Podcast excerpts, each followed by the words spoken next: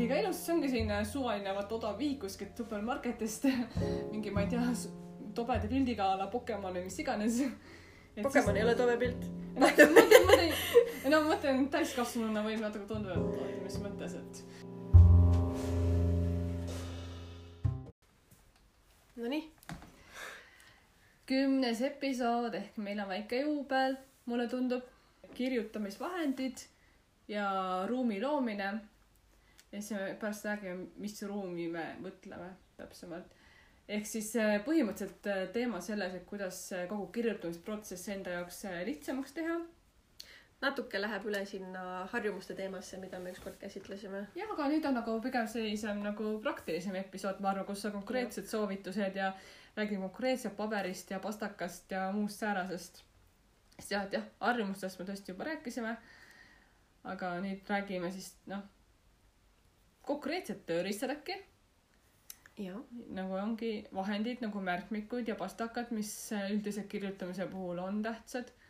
ma ei tea, võib-olla peab mainima ka tahvelarvuteid ja arvuteid ja kus iganes veel kirjutatakse. Ja oma loovnurk, ja. mis läheb siis ruumi alla. oma ruumi. Ja ka siis selliseid nagu töövihikulaadseid raamatuid, kus on nii-öelda writing prompts, mis ka annavad ideid, kuidas kirjutada ja mida kirjutada. ja, ja siis räägime noh, nii füüsilise ruumi kui ka aegruumi loomisest ja aja loomisest. et oleks nagu alati võimalust ja kohta kirjutada ja kui võtta see nagu kõik ühte lausesse kokku, siis tänaseks teemaks on võimalused, mitte vabandused. et kui sa tõesti midagi väga tahad teha, siis sa leiad selleks alati võimaluse, mitte leia sadat vabandust, miks seda mitte teha. jah, sest sa ju tahad seda teha. et küsimus siis, noh, kui sa ei leia aega, siis tekib küsimus, et kui väga sa tahad seda teha tegelikult. ja kui sa tegelikult tahaksid päriselt teha, siis sa leiaksid nagu aja, koha, vahendid. viisteist minutit on ka aeg. täpselt. See on rohkem kui, rohkem kui nagu null ja ma arvan, et viisteist minutit leiab igaüks nagu Jah. oma päevast. et eh, kas sa otsustadki, et sa võtad selle viisteist minutit ja teed selle ära, kui see, et sa räägid kogu aeg, et sa tahad ja tahad, aga tegelikult ei tee mitte midagi mm. -hmm. ja tegelikult teed hoopis null. pigem, pigem võtage see viisteist ja no ja kui sa lõpuks oled näiteks teinud kasvõi sada päeva seda viiteist minutit, siis see on kokku juba tuhat viissada minutit, noh, see on juba metsik aeg. jah, ja aasta peale on see ju juba eriti korralik aeg, et ütleme nii, et natuke on alati rohkem kui mitte midagi. nii, et sukeldume sisse. Et miks me siis sellest räägime, et miks võiks nagu protsessi enda jaoks lihtsaks teha, siis noh, loogiline. et tekiks regulaarsus, et Jaa., et tekiks ka tuju seda teha, sest kui, kui protsess eh, on millegipärast keeruline, et eh, noh, kas siis koht või ma ei tea, tuju või mm. -hmm. mingisugused segavad faktorid on olemas, siis sa ei naudi seda ja noh, sul ei, selle võrra väheneb motivatsioon seda teinekord teha. ja noh, siis see on rohkem sinu jaoks nagu karistus, mitte nauding. et see on mingi mingisugune ebameeldiv episood, mis su päevas oli ja sa Ja nagu nii. väga ei taha uuesti sinna ennast sellesse samasse olukorda asetada mm, -hmm. kui see selline ebameeldiv kogemus on. ja tee jah, asi võimalikult lihtsaks, sest äh, siis äh, varsti on sul täiesti igapäevane elu osa nagu umbes hambapesu, kui sa oled selle lihtsaks teinud. et umbes, et kui sa tahadki iga päev hambaid pesta, siis sa ostad endale hambaharja, ostad endale hambapasta, sa paned need vannituppa, kus sa saaksid neid kohe nagu vaata kasutada, mitte sa ei, ma ei tea, peida kuhugi köögikappi ära või, või, või ei viska iga kord hambaharja ära, kui sa seda ühe korra oled kasutanud. noh, selline väga labane võrdlus praegu. aga sa ju lood endale võimalused ja siis ühel hetkel noh, kujuta ette, et enamik inimesi ei pea nagu eraldi juurdlema selle üle, kuidas nad täna õhtul hambaid pesevad. Nad lihtsalt lähevad vannituppa ja pesevad, vaata. kirjutada võiks ju samamoodi.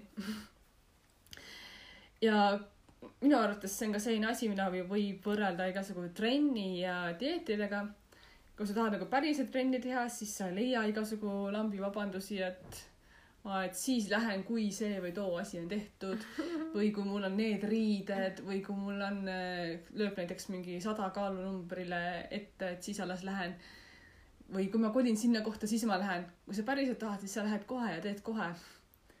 ja no ma tean, mina olen ka selline inimene, kes, kes vahel eh, nagu me vist eelnevalt ka rääkisime, et mina olen see suur planeerija. Mhm. et mulle meeldib mingid asjad peas valmis mõelda enda jaoks ja unistada, et kuidas mingisugune asi olla võiks või kuidas mm. -hmm. ma mingisuguse tegevusega hakkama saaks. aga selles mõttes, et see on minu peas nii, nii suurepärane, et, et Mm. mm. siis ma päriselus kardan, et, et ma ei saavutagi seda. ja aga see kunagi ei tea ju, kui sa ei proovi tegelikult. jah, aga lihtsalt mõnikord võib sinna nagu nõiaringi nii-öelda pidama jääda, sest äh, noh, sa mõtled, kui hea see võiks olla ja see tekitab sinu stressi, sest sa tead, et sa ilmselgelt päriselt ei, ei saavutaks täpselt seda äh, või täpselt nii, nagu sa seda ette kujutasid endale. kas see siis tähendab, et sa puudud nagu mingi usaldus iseenda või elu suhtes enesekindlust jah mm. see, see on üks, üks selline asi. Aga ma arvan, et kui järjest lihtsalt proovida ja sa tegelikult näed, et aa, see ei olnudki nagu nii hull, ei läinudki nii kehvasti, siis ma usun, et Mhm. see enesekindlus kasvab ka ja kokkuvõttes sa oled õnnelikum, sest sa tegid midagi vähemalt, sa proovisid ja sa alustasid. ma sain enda jaoks lihtsalt aru, et ma ei tohi mingisugust tegevust enda jaoks muuta nagu väga ähm, noh, väga suureks selles mõttes mm. oma peas, sest mida suurem see on, mida grandioossem see on, seda kuidagi rohkem aukartust see tekitab, et mm -hmm. kui ma Mhm. nüüd hakkama ei saa, siis on, et sa nagu valmistud ja valmistud ja valmistud ette, aga kunagi ei astu seda esimest sammu. samas, kui sa lihtsalt kuidagi nagu kasvõi nagu läbi kändude nii-öelda Mm.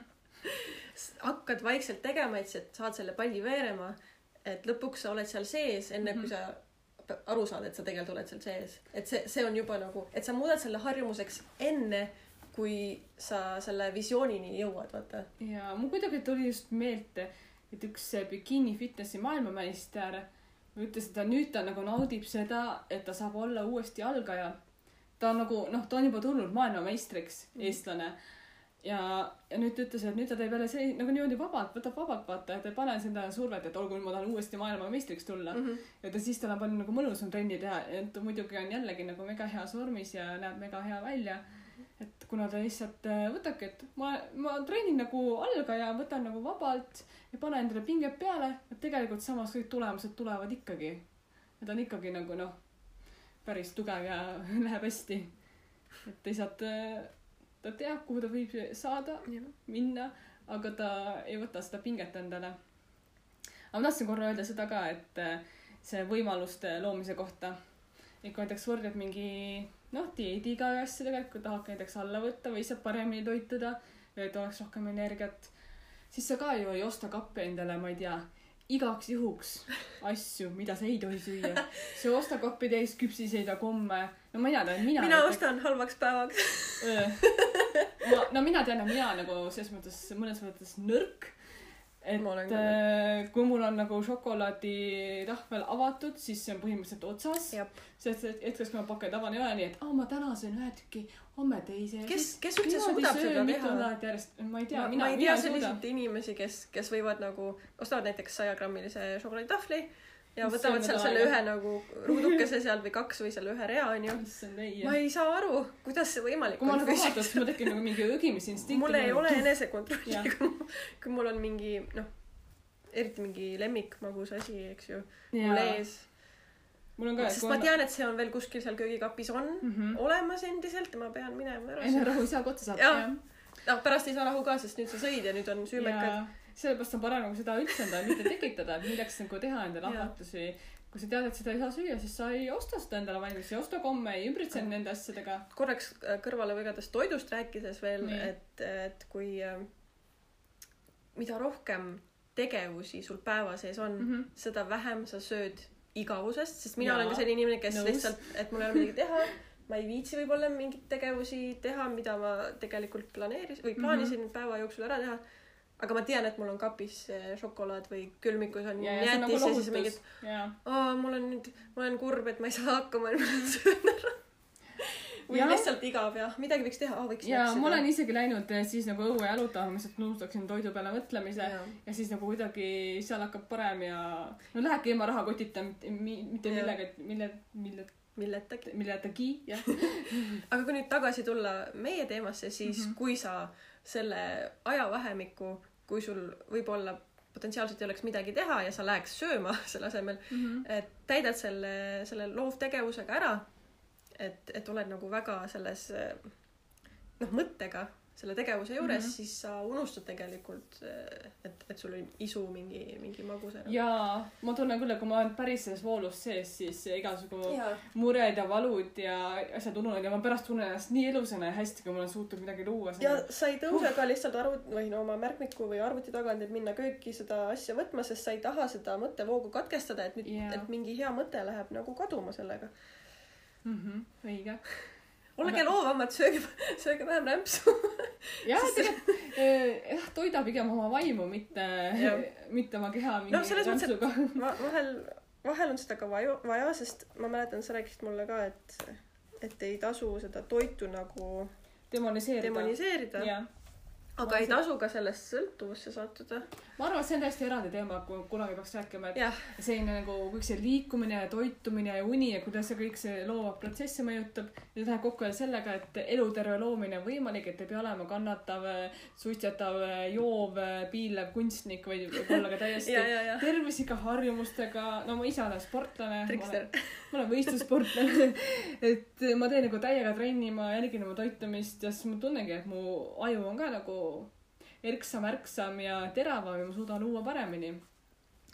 aga ütlekski, ütleski selle asja välja, et äh, tähtis ongi luua endale võimalikult soodne keskkond, nagu kui me võtame sellise taimede kasvamise valdkonnas, siis noh, kui sa tahad, et miski kasvaks, sa paned talle just selle õige mulla, viljaka mulla, viljaka pinnase.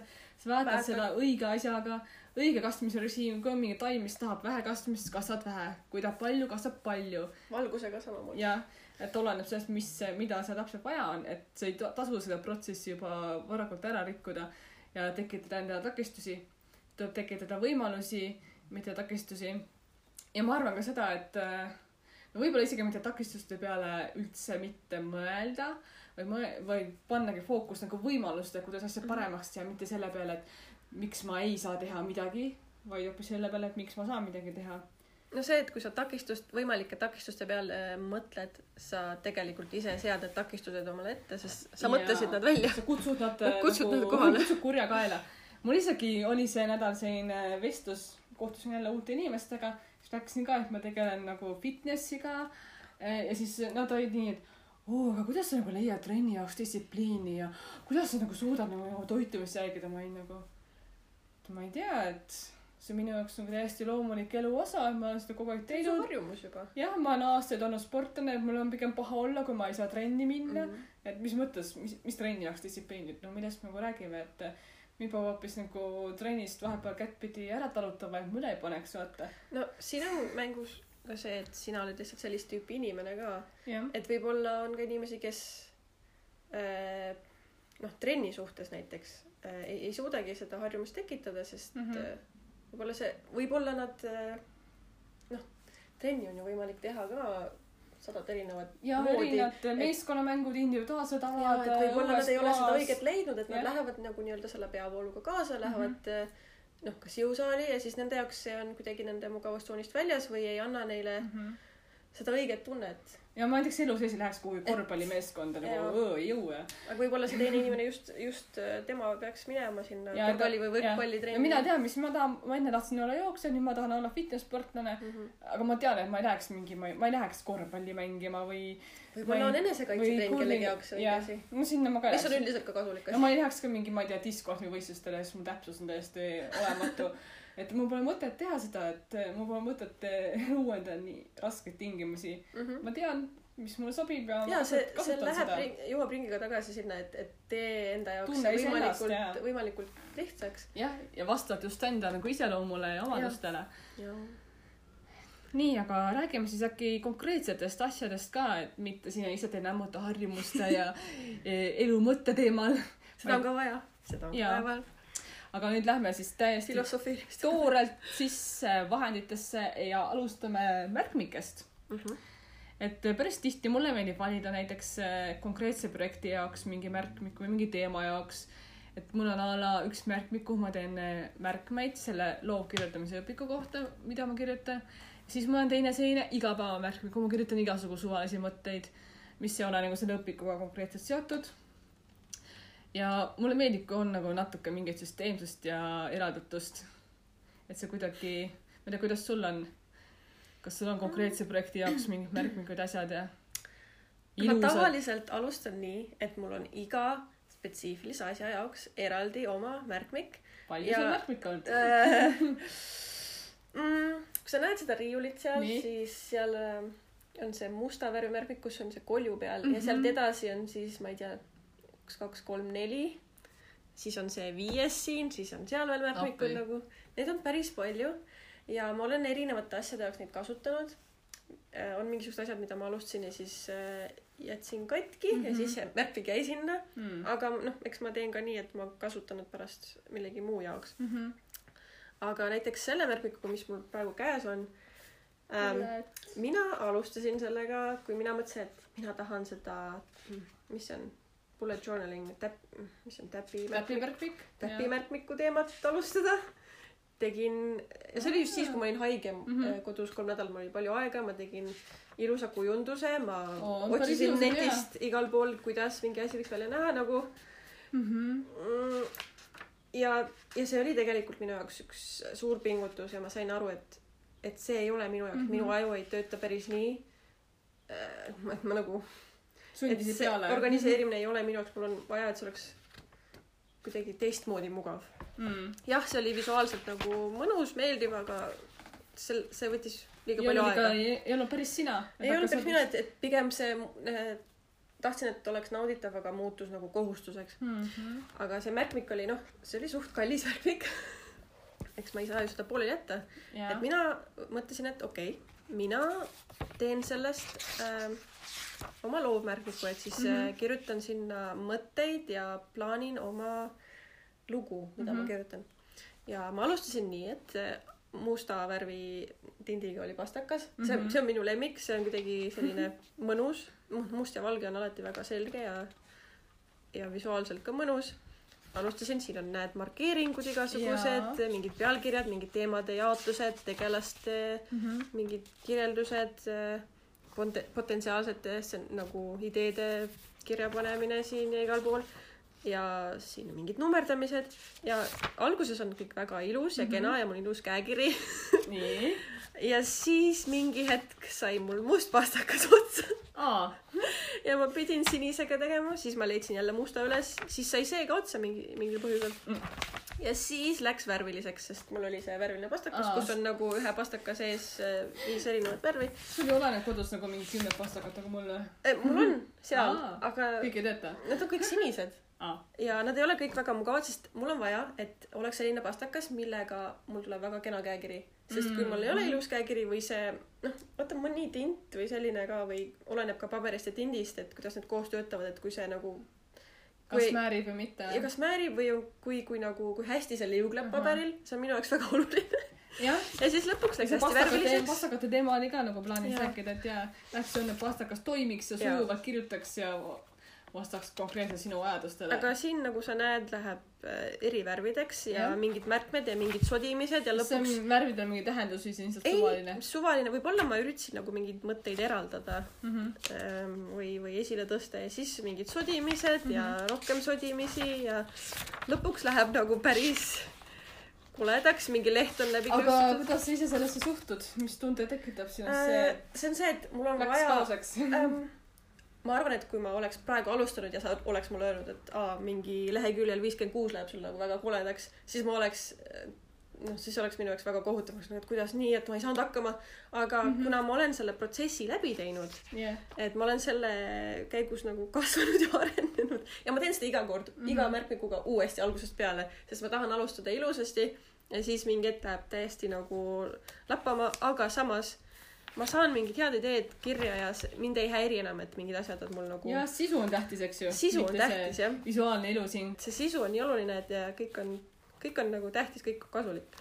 Ja kui Vot. rääkida nagu selle sisu ja visuaali eh, suhetest siis ma praegu loen Natalja Goldbergi hästi sellist äh, tuntud raamatut Writing down the bones sellest on ka mingi sada erinevat väljaannet. Mm -hmm. ja see on nagu legendaarne ja seal ta räägibki nagu sellest kirjutamisega sellest kui umbes kuidas see sul võib-olla emotsionaalselt nagu mõjub ja ja samas ta räägib seal ka siis praktilistest asjadest natukene et see on väga nagu noh selline seda peab lugema raamat. Et seal päris alguses ta ütles ka märkmike kohta niimoodi, et tema võtab täiesti suvalised vihikud, isegi ta võtab selliste tobedate piltidega sellised la-, sellised nagu lapsikud äh, äh, vihikud, et siis ta ei võta oma kirjutamist liiga tõsiselt kui ta alles vaata harjutab mingi mustandeid teeb, et siis ta tunneb, et tal on nagu pingevabam, et ta võibki sinna kirjutada suvalisi lauseid ja pärast kõik ümber teha. et see ei ole nagu liiga ilus, see ongi selline suvaline vaata odav vihik kuskilt supermarketist. mingi, ma ei tea, tobeda pildiga a la Pokemon või mis iganes. Pokemon ei ole tobe pilt. ma mõtlen, ma mõtlen, no ma mõtlen täiskasvanuna võib natuke tunduda, et oota, mis mõttes, et mis, mis see selline vihik nagu on, et ei ole selline eh, nahk kõites eh, märkmik, vaid on hoopis selline laste piltidega. kusjuures ma arvan, et mul, minu puhul see, et miks ma väga mm, väga hoolega valin endale mingisugused märkmikud on, see tuleneb veel kooliajast, kui sa mm. -hmm. iga aine jaoks valisid eraldi vihiku. jaa et ja mul oli nagu väga oluline, et mis aine jaoks, mis vihik, et nad pidid kuidagi, et see vihik või selle peal olev illustratsioon või värv või muster äh, pidi kuidagi kajastama või olema seotud selle ainega. Noh, ma, ma püüdsin seda niimoodi teha. ma valisin alati ilusaid nagu vihikuid. tihti mingid loodus, looduspildid ja asjad ja. tüdrukute teema või, või lihtsalt isikuse, isiksuse tüübi teema ma ei tea, kirjutavad mehed. andke kuskil meile teada, et eh, kas te valite teada. ka ilusaid vihikuid ja värke või kuhu üldse lähevad. aga näiteks ma, mina ise näen päris palju ka igasugu plaane ajurünnakuid täiesti nende, ma ei tea, post-it märkmepaberitele vahepeal mm.. ja mulle isegi meeldib teha niimoodi. kaduma. Mul on nagu ka kodus selline korktahvel, kus ma näiteks praegu on Instagrami postitused äh, ära planeeritud mm. eri kategooriate kaupa ja siis ma olen korktahvli peale pannud nende nõeltega järjest nii tuh-tuh-tuh ritta mm, -hmm. et mis millal ja kui ma saan mingi postituse tehtud, siis ma viskan ära selle märkmepaberi siis on nagu Mhm. oh tehtud, jess. et mulle väga meeldib paberi peale kuhugi kirjutada nimekirju ja siis asju maha tõmmata sealt. ja mul on tööl kontoris ka laua peal hunnik neid äh, pisikesi roosasid paberikesi, kus mingid erinevad teemad ja siis ma lihtsalt vahepeal vaatan üle, et mis, mis ma saaks nagu ära teha, teen ära ja siis viskan selle paberi minema, siis on puh, puhtam jälle. ja ma ise hästi palju kasutan ka sellist nagu valget äh, A4-ja, kus ma teen igasugu plaane ja asju, mulle meeldib see, et seal on nagu ruumi mõelda. kuigi mul on ka selline mõtete märkmik. aga jah, mingeid plaane ja skeeme, mulle meeldib skeeme ka joonistada. ma teen päris palju nagu äh, A4 peale. mulle meeldib valge paber ka. Hmm. Mulle meeldib tavaliselt, ma eelistan, et kõik oleks ühes kohas, sest kui mul Mhm. eraldi paberitel, siis nad lähevad kaduma no või lähevad jaa, aga kortsu. see ei saa nagu planeerimiseks, ma võin neid teha valge paberi peale vahepeal mm.. Mm. et tihti see planeerimine annab tõuke millekski suuremaks, mingit võib see Mhm. plaani isegi nagu ära visata, kui see on need muud asjad algatanud juba. aga mulle kuidagi see valge paber meeldib ka. aga muidu mulle meeldib ka ilusam märkmikud tegelikult. Ja mulle kuidagi meeldib, et nendel on nagu mingi mõte ja mulle meeldib neid poes valida. ja mulle meeldib, kui sisu on näiteks äh, valge. mulle väga Jaa. mingid jooned ja ruudud, uh. jooned ei meeldi, ruudud ka enam ei meeldi, sellepärast oli, see oli ka üks põhjus, miks ma valisin selle nagu Mulle pu- täpid ja- täpi aga see märkmiku, kuidagi ei piira sest sind. nad piiravad mind vähem Mm. valge on samas selline, et kus mõnikord nagu läheb ebaühtlaseks, et mulle meeldib, et, et oleks nagu mingisugune šabloon all, et ma nagu Mm. umbes tean, kuidas see, ma ei tea, see kuidagi nagu toetab mind natuke, ma ei tea, moraalselt isegi. mulle täitsa meeldib valge ja siis ma tihti nagu kirjutan lehe eri nurkadesse ka valge, valges märkmikus ja Mhm. teen seal ka mingeid jooni ja skeeme, tõmban ringe ümber. ja, ja siis, või siis mingite joontega eraldan erinevaid teemasid. ja mulle meeldib see vabadus, mida valge pakub. mul oli millegipärast., noh, kirjutamise puhul ma olen üle saanud sellest, et, et on okei okay,, kui ma, kui selles kirjutamismärkmikus see tekst või noh, visuaalne pool nagu koledamaks mm -hmm. Mhm. läheb sujuvalt, aga äh, joonistamise puhul äh,, visandamise puhul, need äh, märkmikud või albumid, mis mul selle, selle otstarbega on, seal ma veel üritan ül- üle Mhm. saada sellest äh, et hoian nagu kuidagi alateadlikult väga kinni sellest, et ilus vihik ja seal peavad ilusad olema need kõik joonistused, et tegelikult ma ju ostsin selle harjutamise eesmärgil mm, -hmm. et, et ma võin sinna solida, et ma võin sinna kirjutada ja joonistada ja mida iganes, et see kõik ei pea olema täiuslik. Mm -hmm. et sellega pean natuke vaeva nägema, aga kirjutamise puhul sain üle. harjutusmärk, märkmik ei pea olema täiuslik, käekiri ei pea olema täiuslik, aga see võiks olla selline, et sa ise vähemalt suudaksid seda lugeda.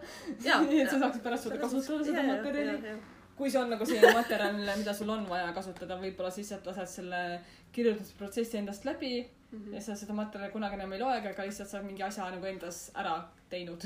aga me rääkisime praegu noh, traditsioonilistest vahenditest, aga kui No, nüüd arvutiga kirjutamisest rääkida, ja no ma arvan, et see peaks olema jälle kõik äh, võimalikult mugavaks tehtud.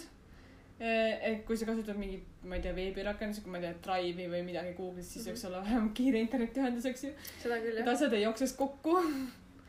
ma tean, et selline programm nagu Scrivener, et seal on visuaalselt nagu väga huvitavaid asju ja see on Mhm. mugav. mul on see, mul on see. meeldib see sulle? See on natuke, ma pean veel tundma õppima, aga mulle meeldib see, et ma saan seal hästi palju nagu peatükkidesse asju jagada ja mingitesse kaustadesse ja failidesse. Mhm. ja see, kuna, kui ma kunagi saan nagu valmis selle oma õpiku, siis ta peaks ise ka mingi faili produtseerima õigete peatükkide nimede ja sisukordadega. aga ma natuke pean seda veel tundma õppima.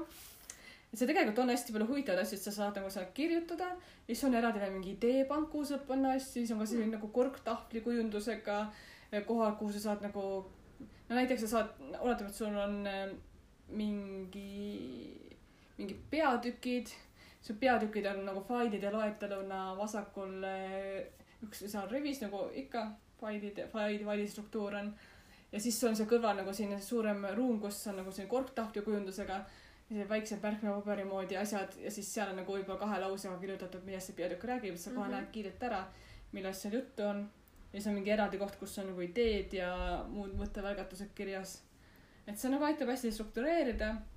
ma olen seda kasutanud äh, mõned kuud, et ma ei ole sellest kindlasti kõike veel välja pigistanud Mhm. ja ma hetkel keskendun rohkem selle nagu sisule ja ma arvan, et mingi hetk ma hakkan rohkem seal igasugu fonte ja asju muutma ja vaatama, kuidas see süsteem toimib ja siis kunagi saab sellest ka pikemalt rääkida. Mhm. no mina näiteks ise praegu kirjutan äh, oma loo jaoks kirju-, kasutan Google Drive'is neid Word dokumente Mhm. nii-öelda, sest on mugav.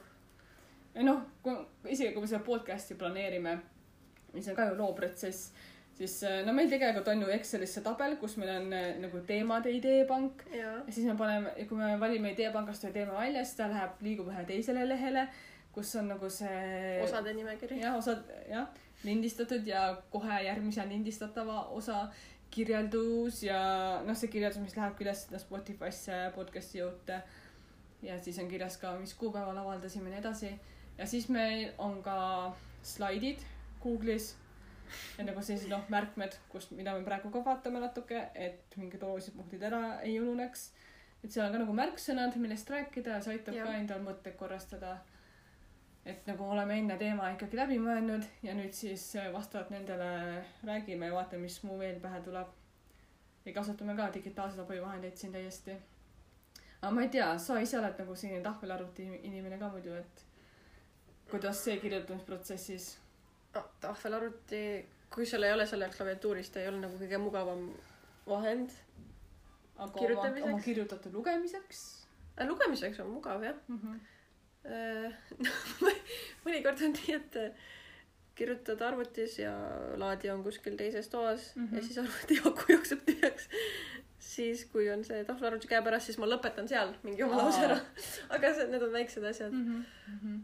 et see on pigem selline lugemiseks ja ülevaatamiseks mm. Mm -hmm. -hmm. arvuti on ikkagi väga mugav kirjutada. kuna näiteks tööl ja mujal ju väga käsitsi kirjutamist äh, ei ole, noh Mhm. minu, minu, minu töö puhul no mul ka pigem ei jah ole., noh, et kui on arvuti taga selline töö, siis ei oska enam kirjutada, käsi väsib kiiremini ära või mm. -hmm. noh, arvuti on ikkagi mugavam selles mõttes, et sest äh, trükin väga kiiresti. ja sa saad kiire, mõte jõuab nagu jaa, sest mõte jookseb nii kiiresti ja, ja, ja ja. ma olen nii mõnigi kord on juhtunud, et äh, kirjutan märkmikusse ja siis mõte jookseb nii, niivõrd nagu ette ära, et, et kui ma selle ühe kirjutamise, ühe lause lõpetan, siis ja samal ajal mõtlen juba järgmist, aga pean seda eelmist lõpetama, siis mingi osa läheb kaduma ja siis sealt mõtlevad, et mis see oli, et mingi Mhm. oluline mõte läks kaduma mm. -hmm. arvutis, noh arvutis võib ka, võib ka juhtuda, olenevalt siis, kui kiiresti su mõte jookseb, aga Jaa. enamasti ei juhtu seda.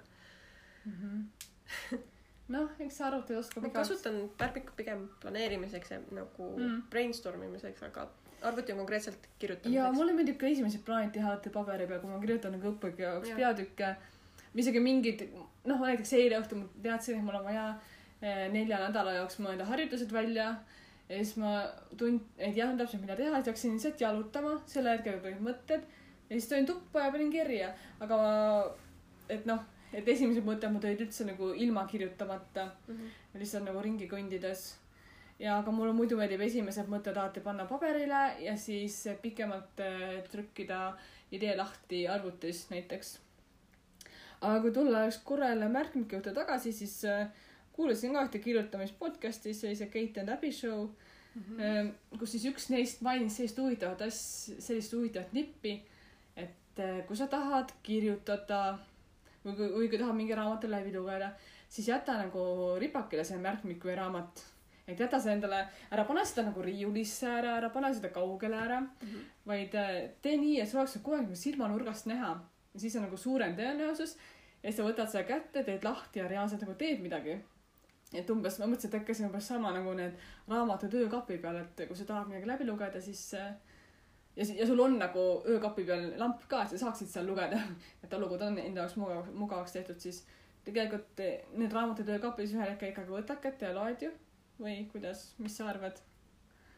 et kui mingi raamat või märkmik sul pidevalt kuskil lebab, kas sa võtad selle suurema tõenäosusega kätte või mitte? ma ei tea, ma ei tea, ma kardan, et võib-olla ma hoopis lihtsalt liigutan ta ühest kohast teise edasi, sest ta on ees.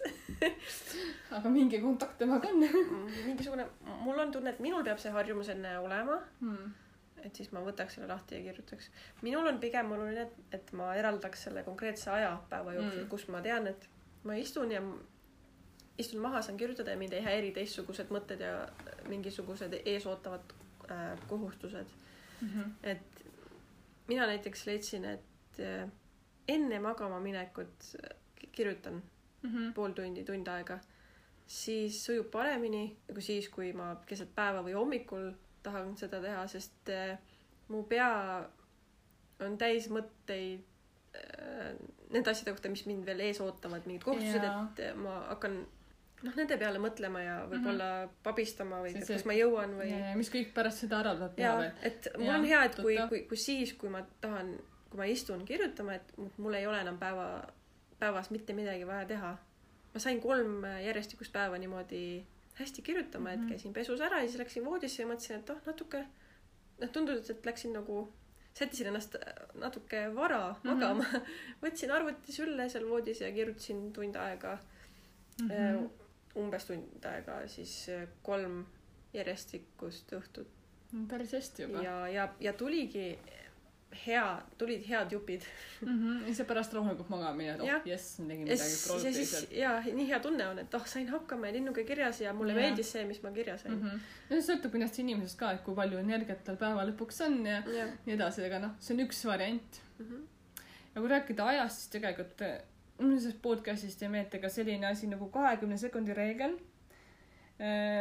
ja sealt ütlesid niimoodi, et äh, kui sul on võimalik nagu mingi tegevus teha kahekümne sekundi võrra nagu lühemaks, siis tee seda, et tee asi enda jaoks lihtsamaks, et näiteks kui sul võtab kakskümmend sekundit, et minna riiuli juurde, võtta sealt oma märkmik välja, siis jätagi selle päeva kuhugi, et sa ei peaks nagu tegema seda otsust, et nüüd ma tõusen püsti, ma lähen selle riiuli juurde ja võtan, vaid et see ongi juba kuhugi sellele lähemale toodud. Või siis näiteks märkmik on sul juba kuskil töölaua peal, kus sa tavaliselt kirjutad.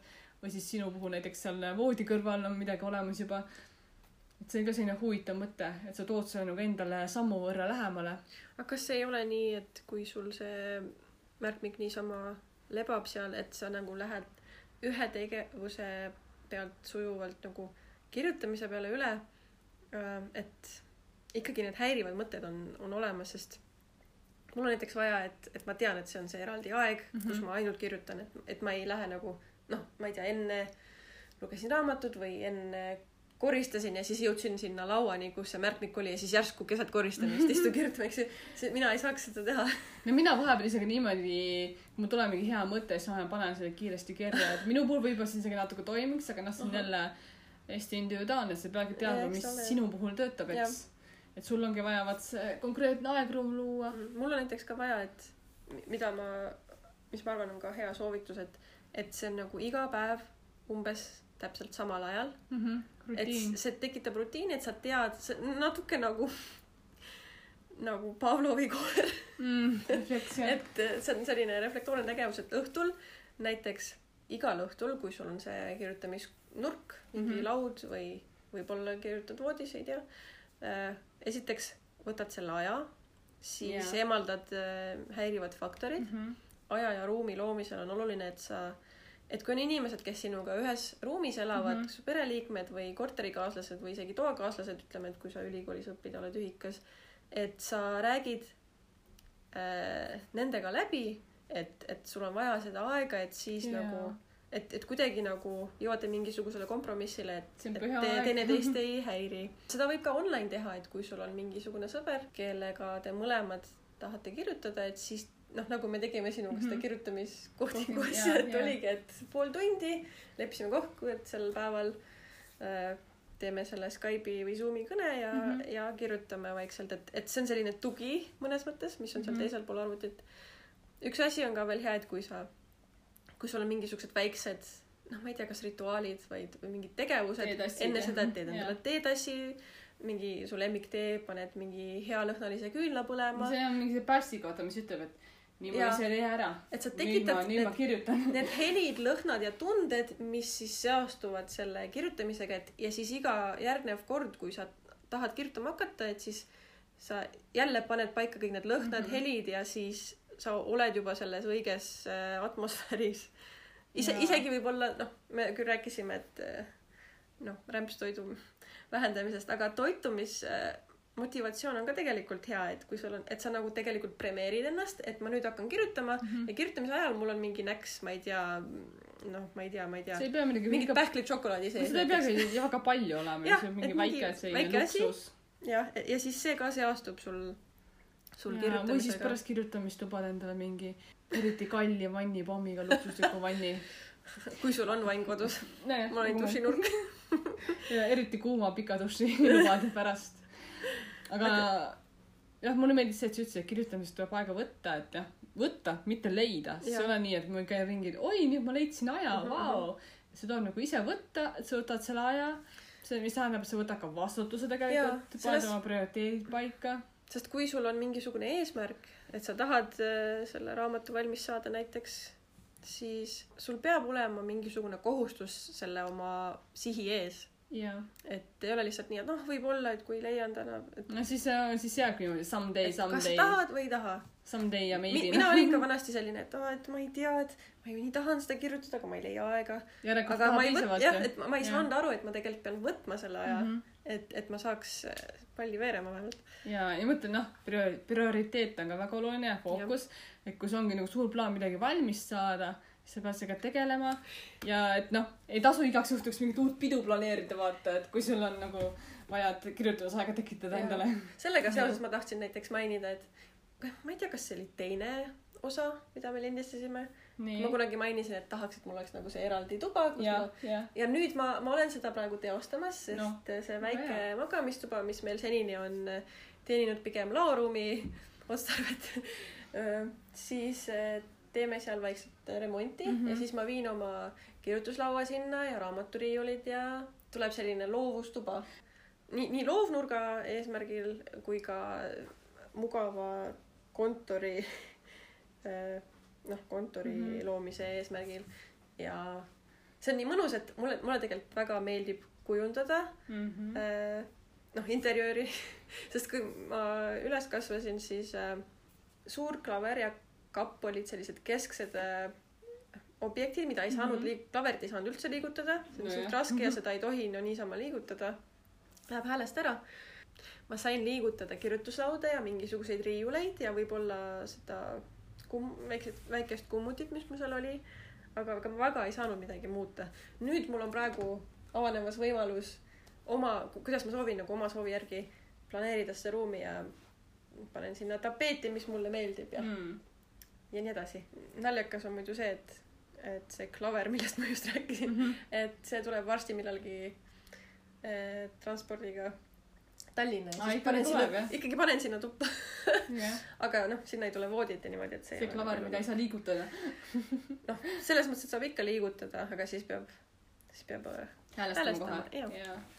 aga me jõudsimegi sujuvalt siis mingi ruumide ja asjade juurde, et noh, et mul tegelikult on ka selline töötuba ka enda kodus, mulle väga palju meeldib planeerida rõdult, sest mul on selline mõnus klaasitud rõdu, kus on väga hubane, päikselise ilmaga on see täielik kasvuhoone. kas sa ütleks, et see rõdu on ka sinu loovnurk mõnes mõttes? ja mõnes mõttes mulle nagu meeldib seal istuda ja olla ja aga mul ko- ja ka mingeid tõsisemaid asju meeldib mulle teha konkreetselt seal kontoritoas kus ma Mhm. hoian enamasti arvutit kuigi ma tegelen sellega ka elutoas aga mulle meeldib kui ma tunnen et ma vajan midagi väga tõsist nagu ära planeerida ja kirja panna siis ma lähen kontorituppa seal on mul ka see korktahvel kuhu ma kus ma planeerisin Instagrami asju näiteks ja siis mul seal laua peal on igasugu erinevaid pabereid ja asju ja märkmeid ja see kuidagi kui ma sinna laua taha istun siis ma olen natuke teises olekus ka Mhm. ma tean, et see on minu see nii-öelda töötuba ja seal ma tegelengi tõesti nagu asjadega, et seal ma nagu, ma ei käi seal toas niisama chill ima, ma seal toas veedan kõige vähem aega oma koduruumidest, no võib-olla WC-s ja vannides veedan veel vähem aega kokku. aga jah, see tuba tekitab küll sellise hea kirjutamise nagu tuju mm. -hmm kuigi noh, mina isegi natuke ka see tüüp, kes mõnikord võib ka kuskil kohvikus ja niimoodi inimeste keskel mingi protsessi luua, aga see on pigem ka võib-olla selles planeerimise faasis, kui ma alles mõtlen mingeid plaane välja ja otsin nagu ideid. kui ma peaks nagu konkreetselt mingi stseeni asju kirjutama, siis võib-olla nii väga ei tahaks olla kohvikus enam. ma arvan ka sama. ja muidu ma oskan päris hästi nagu olla seal mingi oma mullis kuskil inimeste seas.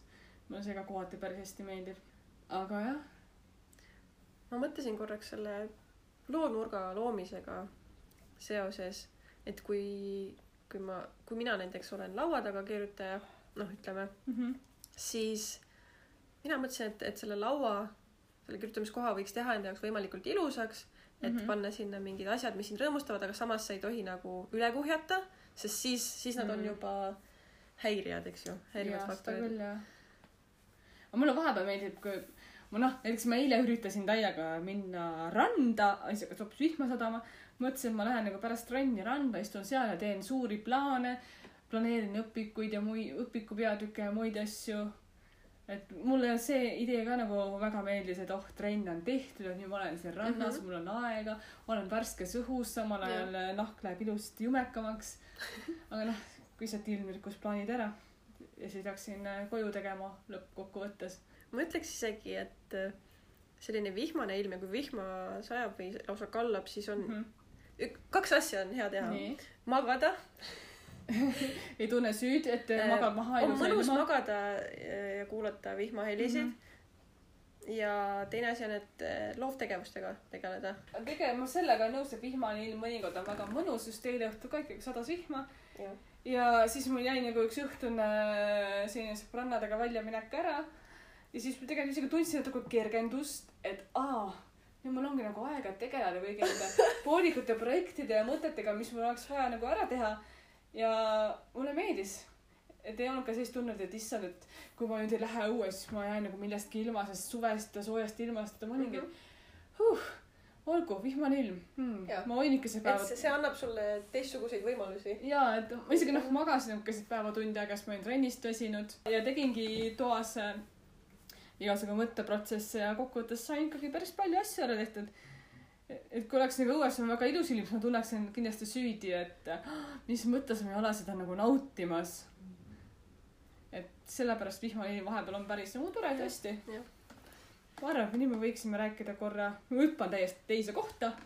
hüppan nagu selliste töövihikute ja writing prompts tüüpi raamatute juurde. Mm -hmm.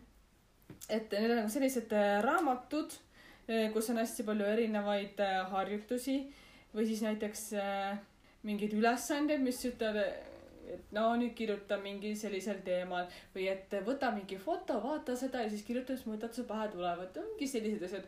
Või on siis sellised äh, paarilauselised jupid mingist loost, mis loovad mingi põnevuse ja siis sina pead nagu jätkama seda lugu. et mina olen selliseid raamatuid kasutanud, ma ei tea, kuidas sinuga lood on raamatuid ei ole kasutanud, kuigi see üks raamat, mis sa mulle andsid, jaa. seal on need harjutused sees mm, -hmm. aga Mhm. ma olen pigem äh, internetis leidnud kogemata, ilma et ma oleks äh, ilmtingimata sihikindlalt neid otsinud mm, -hmm. Mhm. aga olen lihtsalt neid, leidnud neid äh, writing prompts. kuidas seda eesti keeles hästi öelda, writing prompt mm., mingi mingi kirjutamisähvatus ei ole ta on nagu mingi kirjutamistõuge, kirjutamistõuked, jaa, hea okei sõna, sobib. et eh, jah, isegi jälgides mingisuguseid eh, noh kah eh, Kate ja Abby, kes mm. -hmm. kes lindistavad seda kirjutamispodcasti, et nendel mõnikord Youtube'is on mingisugused huvitavad asjad, noh videotes Mhm. Ja niisama, kui olen mingit konkreetset teemat otsinud eh, või konkreetsel kirjutamisteemal otsinud videosid, siis seal on ka mingisuguseid eh, inimesed on huvitavaid harjutusi välja pakkunud mm. -hmm. aga kuidas sa tunned, kas need pigem piiravad või avardavad? tavaliselt äh, ma, ma ei otsi neid harjutusi proaktiivselt mm -hmm. Mhm. ehk siis, siis kui mul konkreetselt vaja ei ole, vaid just siis, kui mul on mingisugune teema, mingisugune tõrge on kuskil, et mm. ma ei Mm. saa üle ja siis ma otsin seda, et neid harjutusi, et lahendada see mingisugune probleem, mis mul siis nad nagu avardavad pigem. jaa. jah, no mina ise olen eh, teinud läbi ühe sellise, nagu ma olen teinud läbi nagu isegi mitu raamatut, kus on eh, harjutusi, kus on nagu natuke mingit teksti, siis teooria osa ja üldist mõtisklust ja siis on vahepeal harjutused. nagu kohati need harjutused on olnud väga piinarikkad, isegi loen kirjeldust ja mõtlen, et oo ei, ma ei taha seda teha. aga ma olen ikkagi sundinud ennast tegema. Eriti ka mingeid luuleteemasid ja harjutusi, sest ma ei tea, ma ei ole mingi väga luuletaja ja see tundub eriti selline keeruline minu jaoks et ja siis, kui ma olen need asjad ära teinud, siis ma vaatan, aa, päris hoopis teistmoodi mõtted olid ja tõesti nagu üllatav looming, et vau wow,, et tõesti, see paningi teistmoodi mõtlema ja tegelikult avardas minu jaoks mingeid uusi asju. ja selles mõttes harjutusi on nagu vahepeal hea teha, eriti siis, kui sul ei ole mingit konkreetset projekti näiteks. et siis saab nagu ennast hoida teravana, et kui sa ei tea, millest kirjutada, siis vähemalt noh, võtagi selle asja ette ja siis eh, ongi kohe millestki kirjutada. kas sul on mingisugune meeldejääv lemmikharjutus sellist tüüpi raamatutest või tööviikutest appi. meeles? kui niimoodi küsid, siis ei tule nagu mitte midagi. praegu ei tule ja ma tegin neid ikkagi mitu kuud tagasi. no ma olen ise sulle ja veel paarile inimesele ka ju aeg-ajalt ette söötud mingeid käske, ülesandeid, et neid, aga vaata, need on vaata konkreetse nagu loosuunitlusega, kus sa keskendud oma loole, et see võib natuke teistmoodi. ja siis mul on veel üks huvitav raamat äh,. äkki mul sealt tuleb mõni asi meelde, ma unustasin seda kahjuks täna kaasa võtta, muidu oleks võinud äh, kohe lehitseda vaadata. selle raamatu nimi on Burn After Writing. see on nagu, see, see on nagu selline tööviikulaad ja see on hästi palju tühja ruumi, kuhu saabki otse sisse kirjutada. seal on erinevaid teemasid, et a la pane kirja minevikust mingi, ma ei tea, viis lemmiklaulu või viis lemmikkohta ja kirjelda neid. või seal on siis mingid sellised nimekirjad, et minu unistused ja äh, muud säärane, et minu unistuste reisisistkohad või midagi sellist. kas sa kavatsed selle peale täiskirjutamist ära põletada? ei kavatse. minu arvates on just nagu põnev kunagi uuesti lugeda, et mida ma siis mõtlesin. et see ongi noh, see ongi selline mõeldud nagu iseendale. Sinna kirjutada kõiki oma salajasi mõtteid ja asju. on nagu ütleme, et see on nagu struktureeritud päevik ja süstematiseeritud, seal on mingi Mm, konkreetsed mm, mm. teemad, asjad ette antud. ja seal ongi kirjas, et me elame umbes sellises vaata väga avalikus maailmas, sotsiaalmeedia möllab, saad enda kohta kõike postitada, aga see nagu on nagu selline vastand et sa sinna kirjutad, aga seda sa ei pea mitte kuskil avaldama, mitte keegi ei pea seda nägema. Et ja kui sa saadki selle täis kirjutatud, siis sa võidki põhimõtteliselt selle raamatu ära põletada. sellepärast ongi burn after writing, jah. et sa võid sinna mida iganes kirjutada, lihtsalt nagu harjutada kätt ja noh, lihtsalt Aga ta ei ole välja, lihtsalt- ta. ei ole lihtsalt valge märkmik on ju, et seal on need Mm. erinevad sektsioonid, et ja sa vaata Mida võib nagu natuke nagu teksti, siis on nagu tühja, tühja ruumi, mida täita, et see ongi, saab mingi nimekirju vahepeal teha, siis mingitele küsimustele vastata, et noh, seal on erinevad asjad. Mul on üks äh, raamat, mille ma kogemata ostsin, sest ma arvasin, et see on tühi märkmik, aa, mis on nagu ärevuse märkmik või nii. mina arvasin, et see on lihtsalt märkmik, tegelikult tuleb välja, et see on nagu raamat, kus mm Mhm. -hmm. on kirjutatud aga see on ka tühja ruumi. ärevuse kohta, seda on analüüsitud ja et väga erinevaid asju on siin. nii, kas sa oled sinna ise, ise kas sa ise ka kirjutad sinna või on see mõeldud mul on imelik kirjutada, sest tegelikult siin on ruumi kirjutamiseks, on valged Ahah. lehed, on joonelised lehed, aga kuna see on raamatu formaadis, siis mul on tunne, et ma nagu sodin raamatusse ja ma ei saa Aa. sellest üle. võib-olla mingi hetk teen, sest see ei ole raamat, see on journal ju. Ma- ma tean, jah. märkmik, päevik. jaa, aga ta on, no ta näeb välja nagu raamat mm., kui mm. ma seda, no minu see roosa After Writing on natuke vähem raamatumoodi väljas, seal on rohkem seda tühjast ja vähem sellist pikka teksti. ja sellepärast võib-olla lihtsam. ja ma tean, et no mul on olemas ka see National Novel Writing Month'i, Nano Raimo eh, töövihik, aga ma ei ole seda jõudnud veel avada, aga ma tean, et seal on ka hästi palju sellist ruumi kirjutamiseks ja planeerimiseks ja et see on ka huvitav nagu variant, mida kasvatada. ja ma kujutan ette, et sellised töövihiku tüüpi asjad on hästi kasulikud, kui sul on nagu vaata, kui sul on nagu vähe kogemusi või kui sa tahad näiteks, või kui sul on palju kogemusi, aga sa tahad mingit uut lähenemist ja sa tahad, et miskit hakkaks sind nagu looma, tahadki sellist uut hingamist saada ja alustada, aga ei tea, kuidas ise teha, siis võtake need appi. et see selline ka huvitav vahend. ma ei tea, kas eesti keeles on midagi ilmunud, mul on kõik inglisekeelsed variandid kodus igatahes no ainult loovik on selline asi, aa, loomik jaa. ja mulle näiteks, mulle kohati meeldivad sellised raamatud, kui ma ei tea täpselt, mida teha. kui ma tahan lihtsalt oskusi lihvida või avastada mingeid uusi tööriistu, siis mulle meeldib kasutada neid raamatuid ja harjutusi. aga mulle konkreetne projekt, siis ma pigem ei näpi neid mm. mm. -hmm. Välja arvatud see, et noh, kui ma kirjutan loovkirjutamise õpikut, siis ma loengi taustale palju sellist kirjandust ja selliseid raamatuid, kus on harjutused sees. et see on nagu jah, natuke teine teema. oleme rääkinud märknud keskpastakatest, ruumist, aegruumist raamatutest. tundub, et selline vahendite teema hakkab ennast ammendama. mida veel saab vahendina kasutada? või no olgu ruumi loomise juures igasugu pleedid ja padjad, kus näiteks oled selline maast kõhuli kirjutaja on ka teema äkki või? see on see mina ei ole. planeerimistsükkel. ma ka vist, ja ma kui ma lähen kuskile maha midagi tegema, siis koer arvab, et see on tema, tema jaoks, et Ja, siis ja, me va- peame mängima või. noh, siis see näiteks neile ei sobi, kellel on koerad või väiksed lapsed, kes tulevad juustest sikutama näiteks jaa, aga jah, ma kujutan ette, et isegi kui sa oled lapsevanem, mm. -hmm. et võib-olla sul on ikkagi pool tundi näiteks enne magama minekut, et sa saad voodis näiteks kirjutada natuke, sest see on ikkagi sinu aeg. see ongi võimalused, mitte vabandused, kui sa tegelikult päriselt tahad, siis sa leiad alati nagu võimaluse ja sa kaalud kõ- kõiki aspekte, et luua endale võimalikult soodne keskkond Mm. mm. ja sa leiad seda aega endale, et mina olen täiesti seda meelt, et kui sa midagi väga tahad, siis make it happen noh. ma tahan öelda, et une arvelt ikkagi Mm. mm. äh, loovust arendada ei tasu, sest uni on ikka väga oluline. et yeah. ikkagi seitse pluss tundi peaks, peaks ikkagi magatud saama, et noh, see on see üldlevinud arusaam näiteks no.. see sõltub inimesest, mina isegi magan alla seitsme tunni, ma Mm. arvan. sest eh, noh, sellest, selleks, et sa, et sul oleks energiat loovuse jaoks ja, ja mõtted oleks korras, on ikkagi vaja, et keha saaks puhata ja. seda küll jah. et see oleks, et ei ole kannatav kunstnik ei ja ole jah. ei ole mingi silmad punased peas sellest suurest suurest kirjutamisest ja no aga see võiks olla selline tervislik protsess ja mõnus protsess, mõnus eluosa, mitte selline enesekaristamine, sest kui sa ennast karistad ja asja raskeks teed, siis see ei pea väga kaua vastu, ma arvan. või siis lihtsalt äh, sinu tervislik elu jääb lühemaks selle võrra. nii, tervist ka ei tohiks eh, ohverdada loovuse nimel. ma arvan, et selline terviseteema võib-olla peaks olema Mõõdukalt. kunagi täitsa eraldi osa või niimoodi mm. -hmm. sest ma saan rääkida, ma saan rääkida oma sportlase kogemusest ja toitumisnõustamise kogemustest, asjadest, et noh. Ma saan rääkida sellest, kuidas ma enne magistritöö esitamist seda terve öö kirjutasin, Mm, väga, See ei olnud hea. aga noh, mõned, mõned asjad on sellised, et mida, mida ei saanud teistmoodi teha. Mm -hmm. tegelikult noh, oleks võinud tegelikult teistmoodi teha, kui ma oleks seda paremini planeerinud, aga Mm.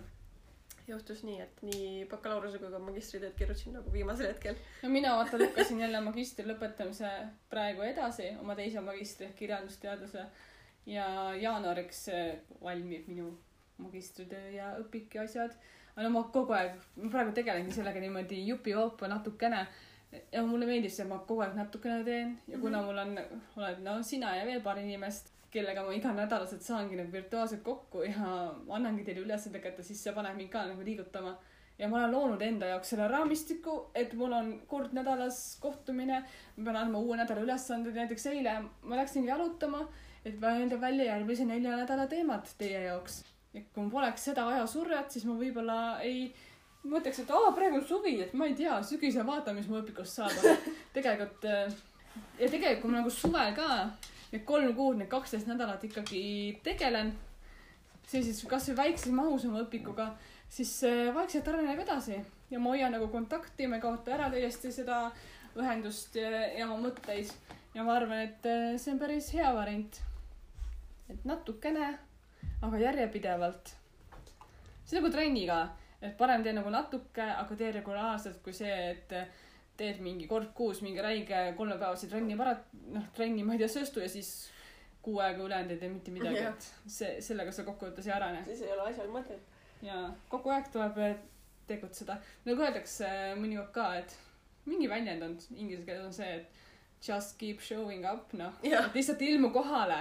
nagu lihtsalt ole alati kohal Mhm. ja lõpuks hakkab see asi vilja kandma, et lihtsalt ole kohal, lihtsalt tee natuke ja lõpuks kõik see, mida sa teed, hakkab kogunema ja tuleb midagi ja suuremat. see muutub kergemaks.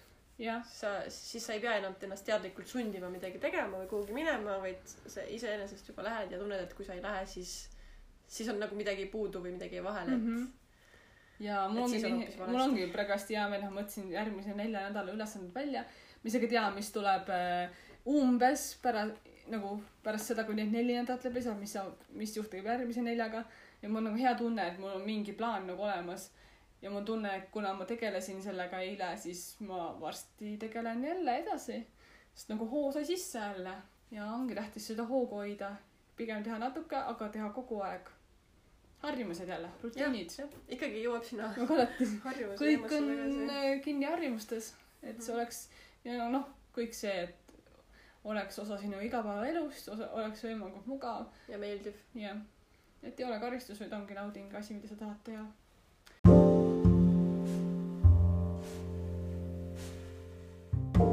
aga ma ei tea, kas meie juubel sai nüüd läbi? kümnes osa, jõudsime kahekohaliste numbriteni. no põhimõtteliselt on see läbi siis, kui ma päriselt selle osa valmis lõikan ja üles panen ja, aga see on ka lindistamine on ka mm. -hmm. samm nagu edasi, et äh, osa protsessist, et tuleb ikka vaata kogu aeg midagi teha, siis jõuab. kui me ei lindistaks praegu, siis ei jõuaks lõikamiseni ka jah, ja siis ei, ja siis ei jõuaks see nagu inimeste ette ja ma ei kirjutaks sellest kokkuvõtvat blogipostitusse ja nii edasi ja nii edasi ja nii edasi. jah, ja keegi ei kuulaks ka. Aga mulle tundub, et õues on tulnud päike välja, ehk siis ei tohi nagu rohkem siin vihmase ilma taha tuppa peitu pugeda, vaid tuleb natuke päriselt ka seda õueõhku nautida või midagi. ja kuna on pühapäev, siis minu puhul tähendab ka see seda, et mul on vaja teha järgmise nädala lõunasöögi valmis. sportlaste elu, vot. aga lähme loome uusi harjumusi. ja järgmist osa ma ei tea, mis, millest me räägime. ja sellepärast ma ei ütle ka. jah, ärme ütle. Me ei tea. anname endale ruumi. vaatame, mis tuleb, aga millestki loo kirjutamisega seotud kindlasti. vot meie ka areneme iga osaga, mõtleme midagi juurde, ja täiendame oma Exceli tabelid. jah, vahetame mõtteid. aga olgu, head suve seniks. seniks head suve. jah No. eks me suve, kuskil suve sees varsti jälle tuleme tüütama oma mõtetega. ja loodame, et, et sellest tänasest eh, mõtete vahetusest oli ka kellelegi kasu. ja olge tublid ja alati võib otsida meid näiteks Instagramist üles ja meile kirjutada, kui on podcast'i kohta midagi öelda. kus me peame ka natuke arenema veel. ja see on plaanis. sealt hakkab tulema rohkem kasulikku infot ja see saab parem suhtluskanal sest ma arvan, et see on ka ainuke koht hetkel, kust inimesed saavad meid konkreetselt nagu kätte, et meile nagu anda mingit sisendit, tagasisidet. ja muidugi võib ka on loo- loo- no loovelu Facebooki kaudu ka kirjutada näiteks praegu. ja siis minu loovelu lehe blogisse võib ka kommentaare panna, et seal on ka need erinevad osad nagu kokkuvõtvalt kirjeldatud. sinna alla võib ka panna oma mõtteid näiteks. aga elame-näeme ja äkki suhtleme ka omavahel, mitte ainult ühesuunaliselt. jah,